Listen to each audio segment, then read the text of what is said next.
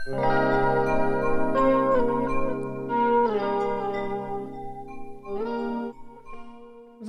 til vår podkast Hav, handel og helse fra NTNU i Ålesund.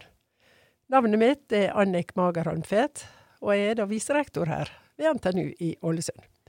I dag så har jeg fått med meg professor Hans Petter Hildre fra Institutt for havromsoperasjoner og byggteknikk. Velkommen, Hans Petter. Takk skal du ha. I dag så vil vi gjerne vite litt om hva er det dere forsker på ved IHB, som er forkortelsen til instituttet deres? Stor bredde, egentlig. Det er veldig mye knytta til hav og maritim aktivitet. Men også bygg og byggsektoren, som faktisk er den største næringssektoren i Norge. Kan du trekke fram eh, et par viktige prosjekt som dere er involvert i knytta til disse to sektorene? Ja, det er kanskje først og fremst da maritime operasjoner. Vi har en SFI, eller Senter for fremragende forskning og innovasjon, i maritime operasjoner. Vi er et åtteårig stort, tungt prosjekt hvor vi utvikler verktøy for å kunne simulere og beregne og effektivisere maritime operasjoner. Du vil også ha noe i, bygg Kanskje det viktigste forskningsområdet der er knytta til vann- og miljøteknikk. Og der er jo da det offentlige Ålesund kommune kanskje den største kunden. Annet har vi nå en stor plattform i Brustdalsvatnet for å måle kvaliteten i vannet som vi drikker av hver eneste dag.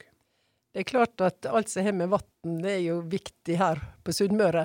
Vi har jo hav rundt oss på alle kanter, nå har vi det også vann ovenfra og ned.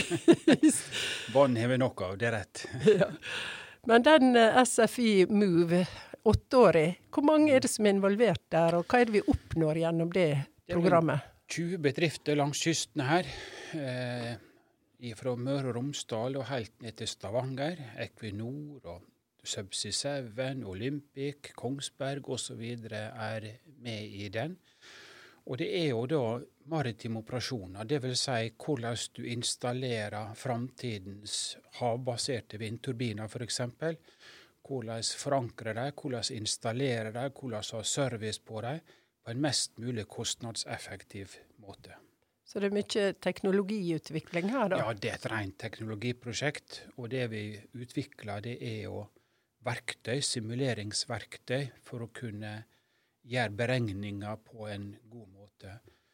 Og også eh, det er kanskje som er en av de nye tingene som er med her, det er muligheter til prediksjon. Det å kunne gjøre simuleringer som gir nøyaktig prediksjon hva vil skje fram i tid.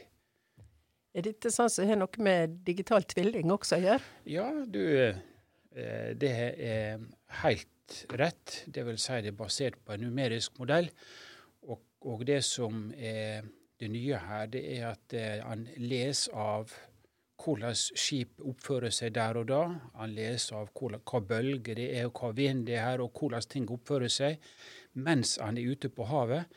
Og så gjør han beregninger basert på alle de data på hva er det som vil skje fram i tid. Altså prediksjon fram i tid. Og det er da en digital tvilling som leser inn tilstanden akkurat nå.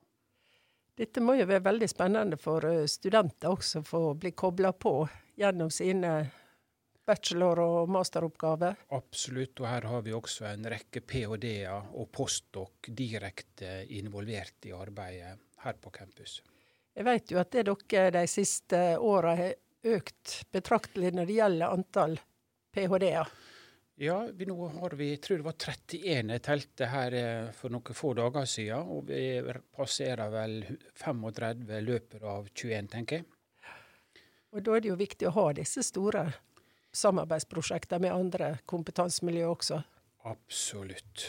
Det er helt sentralt. Og bo eller bidrag og oppdrag vokser også tilsvarende for tiden. Jeg tror vi er på en 55 millioner eller rundt der i i bidrag, oppdragsinntekter eh, i året. Ja, du vet vi, på universitetet ser vi mer og mer eh, påkrevd at vi også skaffer oss inntekt gjennom eksternt finansierte prosjekt. Og det vet jeg du er flink til? Ja, det har gått veldig bra så langt. Og det er gjerne en sånn prosess når man først begynner med det, så tygde på seg av seg sjøl liten grann. Er det mange prosjekt i pipeline, nye søknader i pipeline nå, da? Ja, det er en god del. Vi venter med spenning. Det var tilbakemelding på noen av dem nå uh, rett før jul. Og jeg tror kanskje de prosjektene vi er inne nå, har enda mer undervisning og studentorientert enn hva vi har hatt tidligere, faktisk. Ja, for da altså litt med kompetansebygging i, i, i skjæringa mellom undervisning og forskning, og også samfunnsnytten. Altså den eh, kontakten mot eksterne er nå helt sentralt, skal vi få dette til. Ja da, og det prosjektet som eh, kanskje når det gjelder undervisning jeg håper mest på, er jo inn i Storfjorden, som skal bli en grønn fjord og hvordan vi kan lage kai og anlegg som gjør at han kan reise med små båter inn Geirangerfjorden som ikke har et CO2-avtrykk. Ja, og Det skal involvere masse studenter og aktivitet om vi får det, for si f.eks. Ja, det er vel 2026 den er sagt der en skal ha en utslippsfri fjord. Ja da.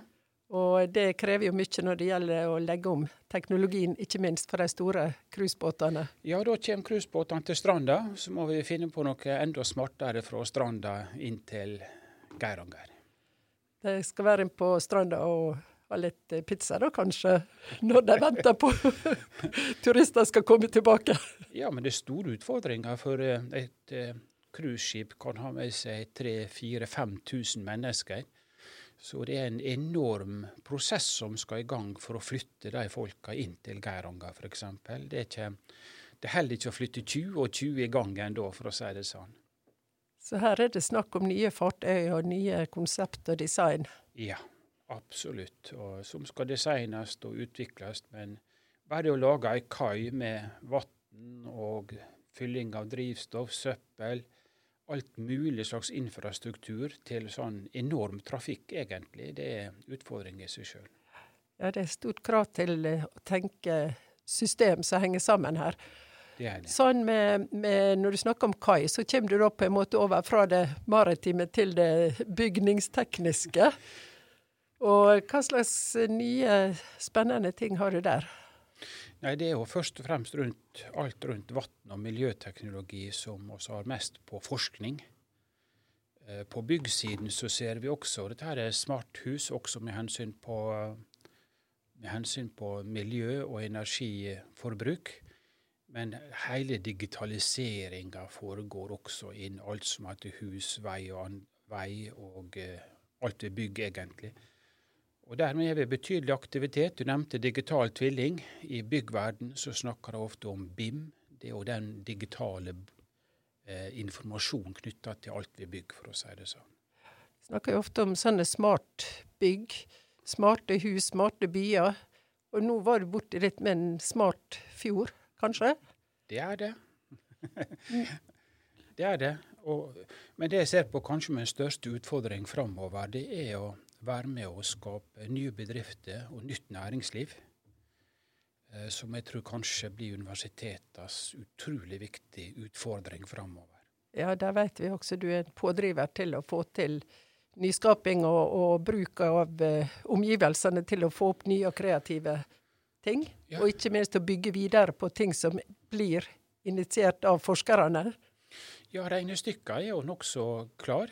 Skal vi, hvis oljen om og når går ned, så skal vi erstatte 300-500 milliard kroner i året i eksportinntekter som faller bort. Og direkte må vi skaffe 350 000 nye arbeidsplasser. Og det er utrolig, utrolig komplisert oppgave som jeg tror eh, vi trenger alle kreftene i Norge skal vi klare å gjennomføre et sånt egentlig skifte. Det er lett å snakke om det grønne skiftet, det er lett å snakke om alle rare skifter. Men det å skape de arbeidsplassene og skape de eksportinntektene, det er en solid utfordring. Ja, det tror jeg vi mange ser på nå i disse dager spesielt, da, på nye muligheter osv. Men eh, du er jo veldig aktiv inn i å skape prosjekt, skape nye ting. Hva med din egen forskning? Du er jo professor innenfor et spennende område. Kan du si litt om eh, hvordan du sjøl forsker og holder deg oppdatert? Ja, det er en utfordring, skal jeg fortelle deg. Eh, å være instituttleder på NTNU er eh, utrolig krevende jobb. Det er en organisasjon hvor veldig mange ting møtes akkurat på instituttlederen, så det er utrolig krevende. Jeg var instituttleder i Trondheim for 17-18 år siden også. Men jobben i dag er mange ganger så stor. Da var det lett å undervise og forske ved siden av. Men eh, jeg får bruke kveldene og helgene. da. Jeg har min forskning og jeg har min undervisning. For det er også sagt når det ikke er tid å undervise, skal jeg finne meg en annen jobb. Så jeg underviser fortsatt, og jeg griper også tak i forskning og har ph.d.-kandidater og forskningsprosjekt. Annet den SFI MU er prosjektleder for og har mine fingre langt inni. Det er veldig viktig. Å holde seg, både for å holde seg sjøl oppdatert, og ikke minst ligge i forskningsfronten. Vi gleder oss virkelig til å se hva mer du er med på å skape her, og hører gjerne om nye prosjekt i framtida. Så tusen takk skal du ha. Takk skal du ha.